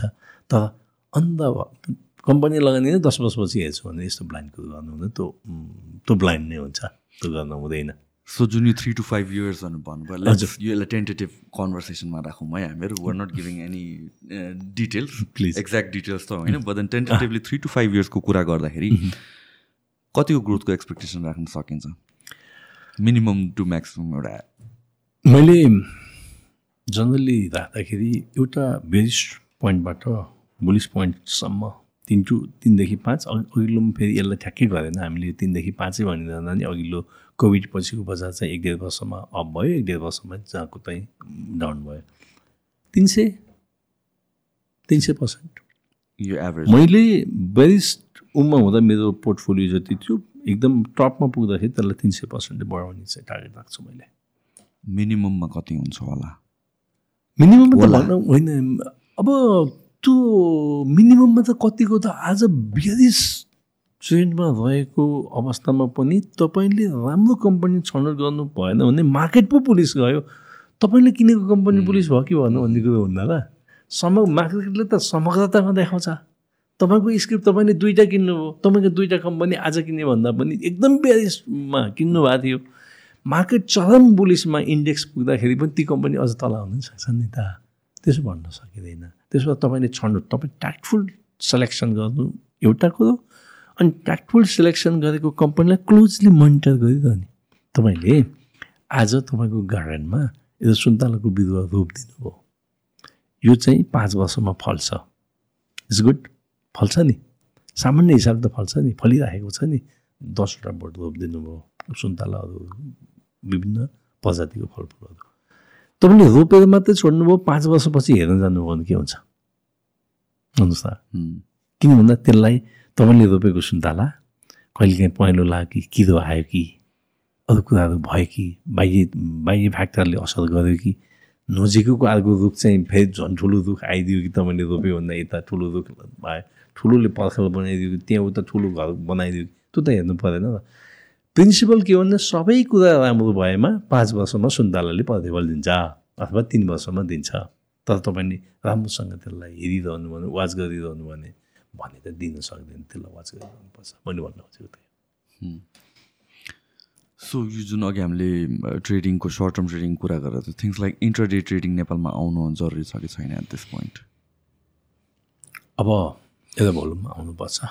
इन्टरडे आउनुपर्छ सबैमा होइन सर्टेन स्क्रिप्टहरूमा मार्केटमा पर्याप्त सप्लाई भएको स्क्रिप्टहरूमा आउने समय भयो आउनुपर्छ। अनि थिङ्स लाइक जुन फ्युचर्स ट्रेडिङहरू गर्छ लेभरेज ट्रेडिङहरू गर्छ नेपालको एभरेज ट्रेडर रेडी छ कि छैन त्यसको लागि? सबै छैन केही छ। सो त्यो आउने बेला भएको छैन अहिले। के लाग्छ? अब सबै छैन भनेर विश्व पुँजी बजारमा भइराखेका जुन इन्स्ट्रुमेन्टहरू छन् नि ती इन्स्ट्रुमेन्ट हामीले प्रयोग गरेनौँ भने त कहिले पनि हुँदैन नि। यता बच्चालाई चाहिँ पोखरीमा फालिदिइहाल्यो भने बिस्तारै सिक्छ। अनि पोखरीमा यसले जानेकै छैन पोखरीमा छिर्नै दिन हुँदैन भन्यो भने के हुन्छ भन्दाखेरि ऊ ठुलो भइसक्छ तर पोखरीमा छिरेकै हुँदैन। सधैँ डराएको हुन्छ त्यसबाट। बिस्तारै ल्याउनुपर्छ आवश्यक छ। एकदमै आउनुपर्छ सो जस्तो कि मैले स्टक मार्केटहरूकै कन्टेक्समा हेर्दाखेरि जस्तो कि युएसमा भयो इन्डियामा भयो मल्टिपल स्टक मार्केटहरू छ। नेपालमा भएको हाम्रो एउटा मात्र हो अहिलेसम्म। त्यो अरू अरू स्टक मार्केटहरूको जरुरी छ कि छैन? र इन जेनरल किन आउँछ अरू स्टक मार्केटहरू त्यो त बिजनेस अपर्च्युनिटी देखेर आउने विषय हो। अनि कहिलेकाहीँ स्टक मार्केटको सम्बन्धमा त्यति धेरै दुनियाँभरि तपाईँले इन्डिया हेर्नुहोस् अमेरिका हेर्नुहोस् धेरै ठाउँमा हेर्नु भने अलिक बढी नियमन हुन्छ। धेरै सर्वसाधारणको लगानी पनि त्यसमा रहेको हुन्छ। त्यसरी बग्रेलती जति पनि आउन दिँदैनन् दिने अभ्यास चाहिँ हुँदैन तपाईँले इन्डियामा हेर्नु भने दुइटामा आउँछ होइन? Bombay stock national stock exchange छ। अमेरि अमेरिकामा त्यो धेरै त्यस्तै बग्रेलती छैनन्। आ, प्रदेश स्तरमा केही होलान् त्यो आफ्नै किसिमले गरेको अवस्था हो। नेपालको सन्दर्भमा एउटा मात्रै भइरहँदाखेरि कम्पिटिसन हुँदैन। एउटा मात्रै भइरहने त्यो पनि सरकारी लगानीमा भइरहँदा सरकारी विधि विधान प्रक्रिया विविध कुराहरू हुन्छन् त्यहाँ ब्युरोक्रेसीका कुराहरू हुन्छन् त्यसो भएर त्यसले अहिलेको सन्दर्भमा अहिलेको यङहरूले खोजेको अहिलेको क्यापिटल मार्केटले खोजेको क्यापिटल मार्केटमा पार्टिसिपेन्ट भएका लगानीकर्ताले खोजे जस्तो सेवा सुविधा दिन सक्दैन भन्ने मान्यता हो। त्यो मान्यता अनुरूप दुईवटा दुईवटा भइदियो भने दुईवटा भयो भने कम्पिटिसनको भावना सिर्जित हुन्छ र लगानीकर्ताले प्रतिस्पर्धात्मक सेवा पाउँछन् गुणस्तरीय सेवा पाउँछन् जहाँ छनौटको चाहिँ अवसर हुन्छ त्यहाँनिर प्रतिस्पर्धा के हुन्छ क्वालिटीको कुरा आउँछ। तैँले दिनुहोस् भने त्यो अर्कोमा जान्छु अर्कोले दिनु भने अर्कोमा जान्छु। एउटै मात्रै भयो भने खाए खाए नखाए गीत भन्छ नि? हामी कहाँ है? त्यस्तै त्यस्तै अवस्था हुन्छ। त्यसो भएर धेरै हुनु हुँदैन क्यापिटल मार्केट। भन्छ त्यो ब्याङ्कहरू जस्तो इन्सुरेन्सहरू जस्तो जति पनि खोल्ने विषय बिल्कुलै होइन स्टक एक्सचेन्जहरू भनेको। स्टक एक्सचेन्ज खोल्ने भनेको बढीमा हाम्रो पुँजी बजारको अहिलेको आकार लगानीकर्ताको सङ्ख्या सबै हेर्दाखेरि बढीमा दुईवटा दुईवटासम्म खोल्दाखेरि छनौटको अवसर प्राप्त हुन्छ र प्रतिस्पर्धा चाहिँ त्यसले वृद्धि गर्छ भन्ने मान्यताले गुणस्तरीय सेवाको लागि दुईवटा आवश्यक छ सो कम्पिटिसनको कन्टेक्स्ट त भयो नै होइन। इन टर्म्स अफ सर्भिस तर भल्युमले पनि जस्टिफाई गर्छ अहिले दुइटासम्म हुनको लागि हामीले नेपालको सन्दर्भमा दुईवटासम्म यही तरिका यति एउटा आइपिओ निकाल्ने एफपिओ निकाल्ने अथवा सेयर निष्कासन गर्ने त्यसलाई लिस्टिङ गर्ने मात्रै हो भने त भलुमले र बिजनेस साइजले मलाई गर्छ जस्तो लाग्दैन तर हामीसँग त विश्व पुँजी बजारमा जुन प्रचलित प्रडक्टहरू छन् नि चलिराखेका प्रडक्टहरू छन् त प्रडक्ट त हामीले कुनै पनि ल्याएको छैन होइन? त्यो प्रडक्ट ल्याउँदाखेरि त बजार अझै बढी लिक्विड हुन्छ अझ बढी पार्टिसिपेन्टहरू थपिन्छन् अझ छिटो छिटो ट्रान्जेक्सन हुन्छ कि? होइन? नेचुरली बढ्छ। त्यसले गर्दाखेरि पुग्छ हुन्छ राम्रै हुन्छ। र इट मेक सेन्स पनि फर इक्जाम्पल टेलिकमकै केस अघि नै कुरा गर्दाखेरि पनि टेलिकममा पनि त्यही भएको। एनसेल आउने बित्तिकै तर सर्भिस आउने बित्तिकै एनटिसीले अप्सन नै भएन। त्यही किसिमको Grow गर्नै पर्यो। हजुर ग्रो गर्नै पर्यो हजुर। त्यसो भएको हुनाले अर्को स्टक एक्सचेन्ज आउँदाखेरि सबै लगानीकर्ताले नि राम्रो हुन्छ राज्यलाई पनि राम्रो हुन्छ भन्ने मेरो मान्यता हो। सो अहिलेसम्म नआउनुको कारण के हो? यो मोनोपोली नै मेन्टेन गर्नको लागि हो कि कि अगेन यो यतातिर ध्यानै नगएको? आउने भनेको नि थियो अहिले बिचमा रोकिएको हो। हामी हामी चाहिँ धेरै हल्लाको पछि हिँड्छौँ। हल्लाले धेरै कुरो गाइड गर्छ सोसियल मिडियाले धेरै कुरो गाइड गर्छ। धेरै एनालाइसिस गर्दैनौँ सतै हुन्छौँ। त्यसको कारणले आउन नसकेको हो। र अर्को कुरो के छ भन्दा अहिले भइराखेको स्टक एक्सचेन्ज जुन छ त्यसको संरचनात्मक सुधार जुन ओनरसिप अहिले गभर्मेन्टको छ नेपाल राष्ट्र ब्याङ्कको छ धेरै होइन केही ब्याङ्कहरूले पनि अहिले पछिल्लो दिन नेपाल सरकारको छ। त्यसलाई पनि अलिक बढी चाहिँ आधुनिकरण गर्ने त्यसमा पनि सकिन्छ भने विदेशी लगानी विदेशी त्यस्तै कम्पनी विदेशी स्टक एक्सचेन्जको लगानी ल्याउन सक्दैन त्यसलाई बढी कम्पिटेटिभ बनाइदियो भने बनाएर अर्को आइ आइदियोस् भन्ने चाहना हो कि जस्तो देखिन्छ। तर रोकियो त्यसलाई हिजो जे थियो त्यही गरिराखेका छ यो कहिलेसम्म रोकिने? त्यो गर्दाखेरि लगानीकर्ता चाहिँ स्वभावैले चाहिँ लगानीकर्ता फाइदाबाट जुन पुँजी बजारबाट प्राप्त गर्नु फाइदाबाट वञ्चित हुने भयो। गुणस्तरीय सेवा प्राप्त गर्ने जुन अवसरबाट वञ्चित हुने भयो यो निर्णय चाहिँ छिटो हुनुपर्छ भन्ने मलाई लाग्छ। सो अर्को कुरा चाहिँ इन टर्म्स अफ अगेन कम्पिटिसनको कुरा गरिराख्दाखेरि चाहिँ अम, हाम्रो पनि यहाँको प्रोसेस पनि इट्स लाइक स्टक ब्रोकरको थ्रुबाट जानुपर्छ स्टक ब्रोकरमा डिपेन्डेन्ट नभएर सोल्ली ट्रेड गर्नु मिल्छ कि मिल्दैन? त्यो हुनुपर्ने हो कि? त्यो पुँजी बजारमा कारोबार गर्दा एउटा बिचमा ब्रोकर नराखी दुनियाँमा कोही पनि हुँदैन। रहन्छ। त्यो मार्फतै त्यसको विन्डोबाट मार्फतै जानुपर्छ। यो यो चाहिँ अब यहाँ कमिसनको कुरा होला सेवाको कुरा होला सुविधाको कुरा होला कस्तो कस्तो उसले पनि लगानीकर्तालाई कसरी फेसिलिटेट गर्ने भन्ने कुराहरू बहसको विषय हुन्छ। तर बिना ब्रोकर सिधै लगानीकर्ता टु स्टक एक्सचेन्ज कहीँ पनि हुँदैन।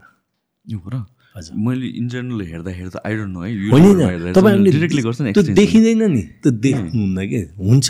एउटा ब्रोकरमा रियल टाइममा भइरहेको हुन्छ रियल टाइममा भइरहेको छ तपाईँले बिचमा ब्रोकर बसेको कतिपय थाहै पाउनुहुन्न कि?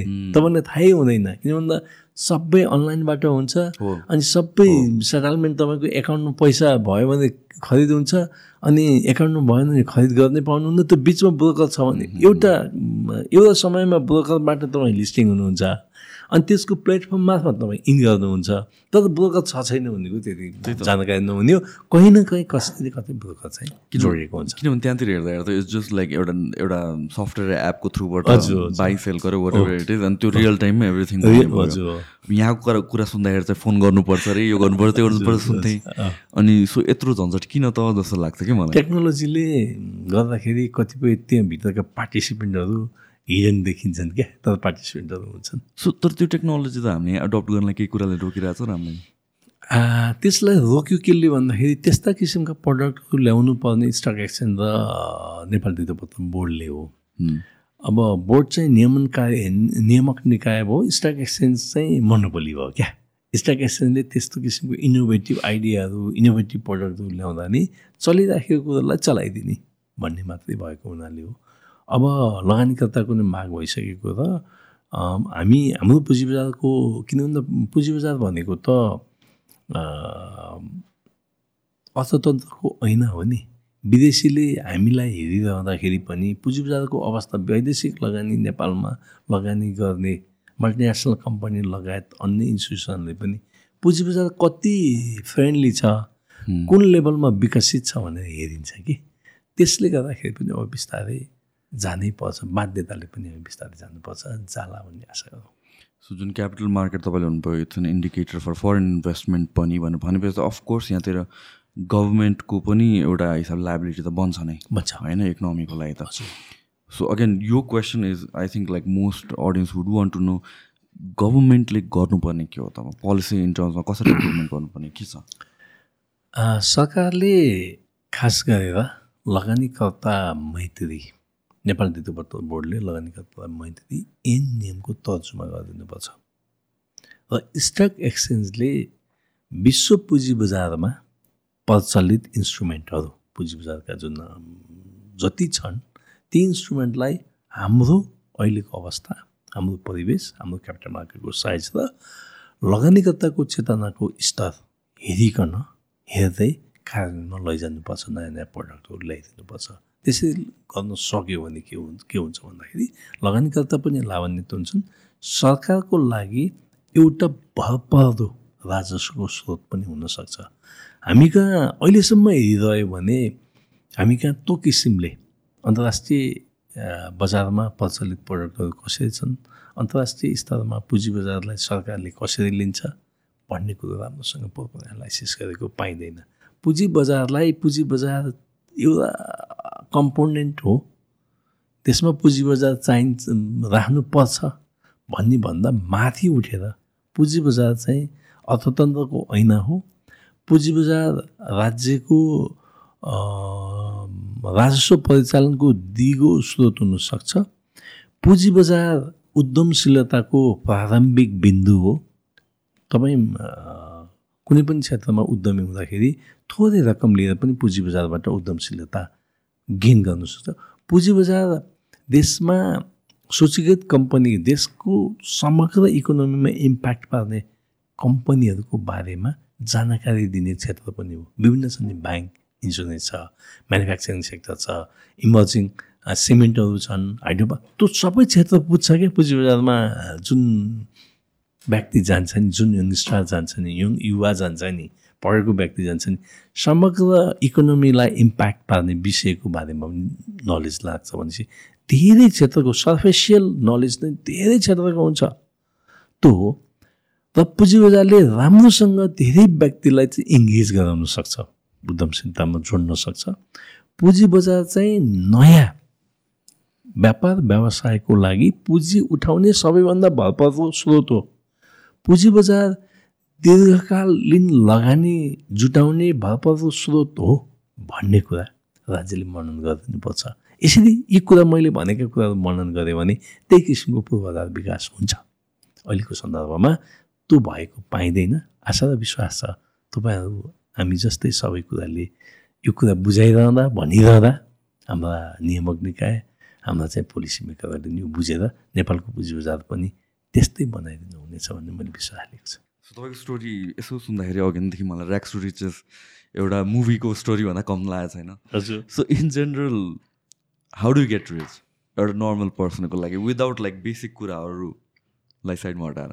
थ्योरी कुराहरूलाई हटाएर प्र्याक्टिकल एस्पेक्ट्समा हेर्ने हो भने एकजना एभरेज मान्छे अहिलेको टाइममा किनभने एउटा हिसाबले हेर्ने हो भने युथहरूमा एउटा होपलेसनेस एकदमै छैन होइन? अब हामीले अब मल्टिपल थिङ्सले हेर्न सकिन्छ कि? अब गभर्मेन्टलाई ब्लेम गर्ने पोलिसीलाई ब्लेम गर्ने त्यो. सबै कुराहरू छ तर त्यो कुरामा हामी कन्ट्रोल गर्न सक्दैनौँ। एक्ज्याक्टली हामीले के कन्ट्रोल गर्न सक्छौँ त? सक्दैन केही पनि सक्दैन। हाम्रो बसमा हुँदैन। सो हामीले गर्न सक्ने के हो त? हाम्रो? कति राम्रो कुरो सुन्नुभयो। हामीले गर्न सक्ने भनेको निरन्तर प्रयास हो। एउटा मिसन भिजन बनाएर त्यसमा विचलित नभइकन नातिकन एउटा पढेको एउटा लेखेको एउटा बुझेको मान्छेले व्यक्तिले तपाईँमा एउटा इमान्दारिता हुनु पऱ्यो जहाँ जे काम गर्नुहुन्छ जे सङ्गत गर्नुहुन्छ त्यसमा एउटा राम्रो इमान्दारिता हुनु पऱ्यो अर्को तपाईँ लागेको क्षेत्रमा अध्ययन पनि हुनु पऱ्यो नलेज हुनु पऱ्यो होइन? राम्रोसँग एनालाइसिस गर्नु पऱ्यो त्यसको फाइदा के छ बेफाइदा के छ हिजो के भएको थियो आज के हुन्छ भोलि के होला भन्ने एनालाइसिस गर्नु पऱ्यो अनि त्यो प्राप्त आधो र अवरोह भनेको अहिले हामी गफ चाहिँ एकछिनपछि त अँध्यारो हुन्छ नि। अनि चमक्क रात पर्छ मध्यरात हुन्छ। तर मध्यरात सधैँ भएको छ र उज्यालो हुन्छ। तपाईँले प्रत्येक बिजनेसले मेरो बुझाइमा मेरो भगाइमा यङहरूले हाम्रो यङहरूमा अलिक धैर्यता छैन। प्रत्येक बिजनेसले तपाईँको हैसियत चाहिँ मापन हैसियत जाँचिरहन्छ। तपाईँ कतिसम्म तपाईँ धैर्यवान हुनुहुन्छ कतिसम्म त्यसलाई सहन सक्नुहुन्छ खप्न सक्नुहुन्छ भनेर प्रत्येक बिजनेसले तपाईँले तपाईँ माथि टेस्ट गराए हुन्छ कि। जानी। नजानी को हुन्छ? म यो मान्छु। अहिलेसम्म मैले सुरु गरेका व्यवसायहरू हन्ड्रेड पर्सेन्ट स्मुथली गएको एउटा पनि छैन। मलाई पटक पटक टेस्ट गर्छ पटक पटक त्यो ठाउँ छोडेर भागौँ जस्तो हुन्छ। तर म धैर्यतापूर्वक यसले मलाई परीक्षा गरेको हो। अर्थात् यस यो बिजनेसमा अझ बढी मेहनत मैले यो बिजनेसले खोज्यो। यो सेक्टरले खोज्यो। भन्ने म निरन्तर रूपमा लाग्छु। अपवाद बाहेक। मैले त्यसरी धैर्यतापूर्वक गरेका र त्यो परीक्षामा ढुक्कसँग मैले सामना गरेका बिजनेस कुनै पनि बिजनेसमा असफल भएको छैन। यस यस यस अर्थमा हामीमा धैर्यता चाहियो इमान्दारिता चाहियो र त्यो विषयवस्तुको नलेज चाहियो र आउने आरोह अवरोहमा ढुक्कसँग विचलित नभइकन निरन्तर लागिरहने जुन लागिरहने सोच चाहियो प्रतिबद्धता चाहियो लागिरहने म छोड्दिनँ भन्ने भयो। यसरी गर्न सक्नुभयो भने नेपालमा अहिले पनि पर्याप्त सम्भावनाहरू छन्। अझ अहिलेको युवाहरूसँग हिजो हाम्रोभन्दा बेटर नलेज छ। हिजो हामीले कुनै पनि कुरा जान्नको लागि बुझ्नको लागि पुस्तकहरू खोज्नु पर्थ्यो गुरुहरू खोज्नु पर्थ्यो। अहिले एक क्लिकमा तपाईँले गुगलमा सर्च गर्नुभयो भने कुनै पनि समस्याको समाधानको उपाय छ। मात्र के छैन भन्दाखेरि अहिलेको युवामा धैर्यता छैन। अहिलेको युवामा सहनशीलता अलिक कमजोर छ। अनि अहिलेको युवामा एक अलिक कम्फोर्ट जिन्दगी चाहिँ जिउन चाहन्छ क्या। च्यालेन्ज चाहिँ त्यति लिन भन्दाखेरि च्यालेन्ज एक्सेप्ट गरे जस्तो लिन्छ कि जस्तो तर यथार्थ व्यवहारमा चाहिँ च्यालेन्ज चाहिँ कम लिने। अनि सफलताका कथाहरू पढ्ने असफलता त्यो व्यक्तिले कति दुःख र हन्डर सफल व्यक्तिहरू देख्ने तर दुःख र हन्डर कुन अवस्थाको दुःख हन्ड र सङ्घर्ष गरेर त्यहाँ पुगेको हो त्यसको गहिराइमा नपुग्ने। त्यसले गर्दाखेरि अलिक अलिकति युवाहरू अलिक निरुत्साहित हो कि भन्ने मलाई लाग्छ। Hundred percent. मलाई पनि मेरो पनि अब्जर्भेसन भन्नु भनेको एउटा भनेर भनेको चाहिँ पेसेन्स त एकदमै पेसेन्स चाहिँ म देख्दिनँ एउटा कुरा। अरू कुरा भनेको एनी फिल्डमा डेप्थ देख्दिनँ कि सर्फेस सर्फेस लेभलमा मल्टिपल कुराहरू थाहा छ। सबै तर एउटा एउटा फिल्डभित्र छिरेर म आल इन्भेस्ट लाइक पाँच सात आठ दस वर्ष भनेर भने त्यो चाहिँ म कमी देख्छु कि हाम्रो समस्या नेपालमा के भन्दाखेरि हामी सबै कुरा नजानेको केही छैन कि? कतिपय कुरा आवश्यकै छैन। किन जान्ने? किन त गहिराइमा जाने? किन यो इनर्जी यो यो ब्रेनमा यति सानो ब्रेनमा अनावश्यक कुरो ल्याएर थोपर्ने भन्नुहोस् न। जिन्दगी त क्लियर छ नि। तपाईँले दुईवटा तिनवटा भ्यान्चा राम्रो गर्नुभयो भने तपाईँको तपाईँ भिजिबल भइहाल्छ त नेपालमा त। भिजिबल एकदमै भिजिबल हुन्छ सक्सेस हुन्छ। लाइफ पनि राम्रो चल्छ। यो पचासवटा कुरा खेलाएर किन हिँड्नु पऱ्यो good good advice so I I think like pretty much राम्रो कन्भर्सेसन भयो. Thank you so much for your time एकदमै आई थिङ्क सर्ट टाइम भयो भने दिस इज लाइक हाम्रो वान अफ द सर्टेस्ट नै भन्नु परेछ पडकास्ट चाहिँ. त्यसमा पनि तर एकदमै डेन्स इन्फर्मेसन छ. थ्याङ्क यू सो मच पनि आभारी छु तपाईँसँग। साँच्चीकै तपाईँ युवा हुनुहुन्छ म अलि अलिकति म्याच्योर छु। तपाईँको सोचबारे पनि मैले धेरै कुरो जान्न पाएँ बुझ्न पाएँ। Thank you very much